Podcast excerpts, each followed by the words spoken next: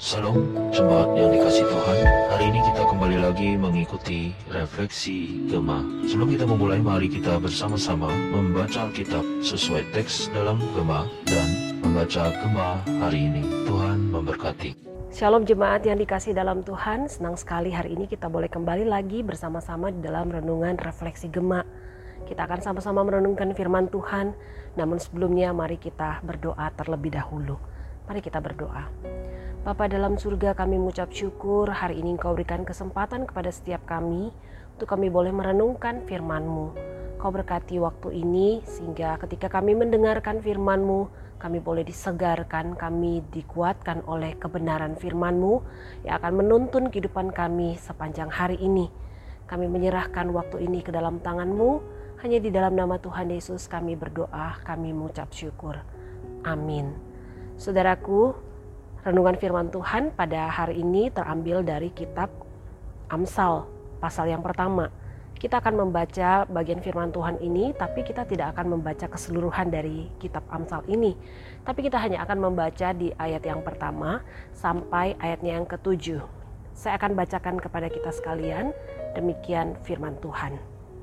Amsal-amsal Salomo bin Daud, Raja Israel untuk mengetahui hikmat dan didikan, untuk mengerti kata-kata yang bermakna, untuk menerima didikan yang menjadikan pandai, serta kebenaran, keadilan, dan kejujuran, untuk memberikan kecerdasan kepada orang yang tak berpengalaman, dan pengetahuan serta kebijaksanaan kepada orang muda.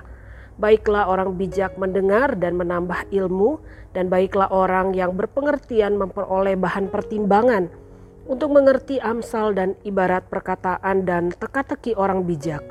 Takut akan Tuhan adalah permulaan pengetahuan, tetapi orang bodoh menghina hikmat dan didikan. Jemaat yang dikasih dalam Tuhan, ada dua aspek yang merupakan ciri orang berhikmat dalam bacaan Alkitab hari ini. Aspek pertama adalah kesediaan mendengar dan menerima didikan.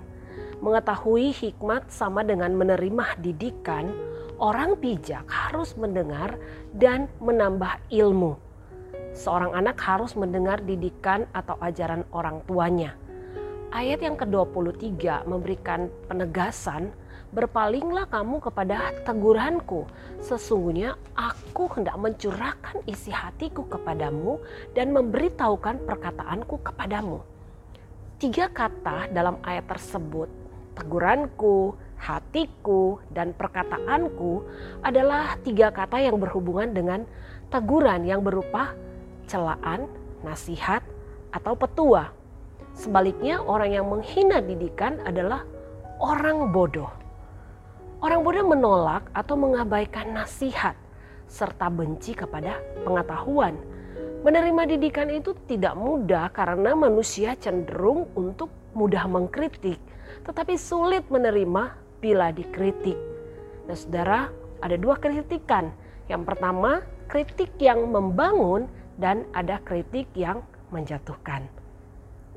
Sikap dalam menghadapi kritik memperlihatkan apakah kita berhikmat atau bodoh. Orang yang berhikmat menghadapi kritik atau teguran, nasihat, petuah dengan kesediaan mendengar dan menerima lebih dahulu, lalu mempertimbangkan dan berusaha memperbaiki kesalahan bila kritik itu benar. Akan tetapi saudara, hal ini tidak berarti bahwa orang yang berhikmat itu tidak punya pendirian dan selalu berusaha dianggap baik oleh orang lain. Melainkan dia selalu bersedia memperbaiki diri dan terus-menerus mengevaluasi dirinya. Nah, yang menjadi pertanyaan penting bagi kita sekalian, Apakah saat ini Bapak Ibu Saudara bersedia dikritik dan selalu berusaha untuk memperbaiki diri? Dan saudara, aspek yang kedua dari orang berhikmat adalah sikap takut akan Tuhan. Sedangkan orang bodoh tidak takut akan Tuhan. Saudaraku, istilah takut sebenarnya bukan dalam arti negatif, melainkan merupakan sikap yang positif, yaitu sikap hormat kepada Tuhan. Menghormati Tuhan berarti mengakui dan menyadari kedaulatan Tuhan untuk campur tangan dalam segala bidang kehidupan yang membawa kebaikan. Apakah sikap kita memperlihatkan bahwa kita ini menaruh hormat kepada Tuhan? Apakah makin hari Anda makin percaya bahwa Tuhan sedang menuntun kehidupan kita, atau kita makin hari makin menolak untuk diatur oleh Tuhan, bahkan kita ingin mengatur Tuhan?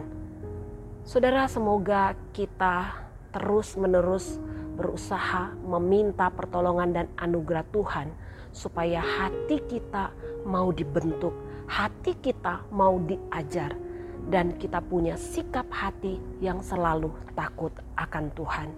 Kiranya saudara renungan ini boleh menuntun kehidupan kita sepanjang hari ini dan boleh menjadi kekuatan bagi kita. Mari kita berdoa. Kami mengucap syukur ya Tuhan untuk kebenaran firman-Mu yang boleh mengajarkan setiap kami. Untuk kami boleh punya hati yang mau diajar, hati yang mau ditegur oleh Tuhan. Biarlah berikan kami hati yang selalu takut akan Engkau. Kami bersyukur buat firman-Mu hari ini dan biarlah Tuhan Engkau yang akan menuntun kehidupan kami. Ini doa kami hanya di dalam nama Tuhan Yesus Tuhan dan Juru Selamat kami yang hidup. Kami berdoa, kami bersyukur. Amin.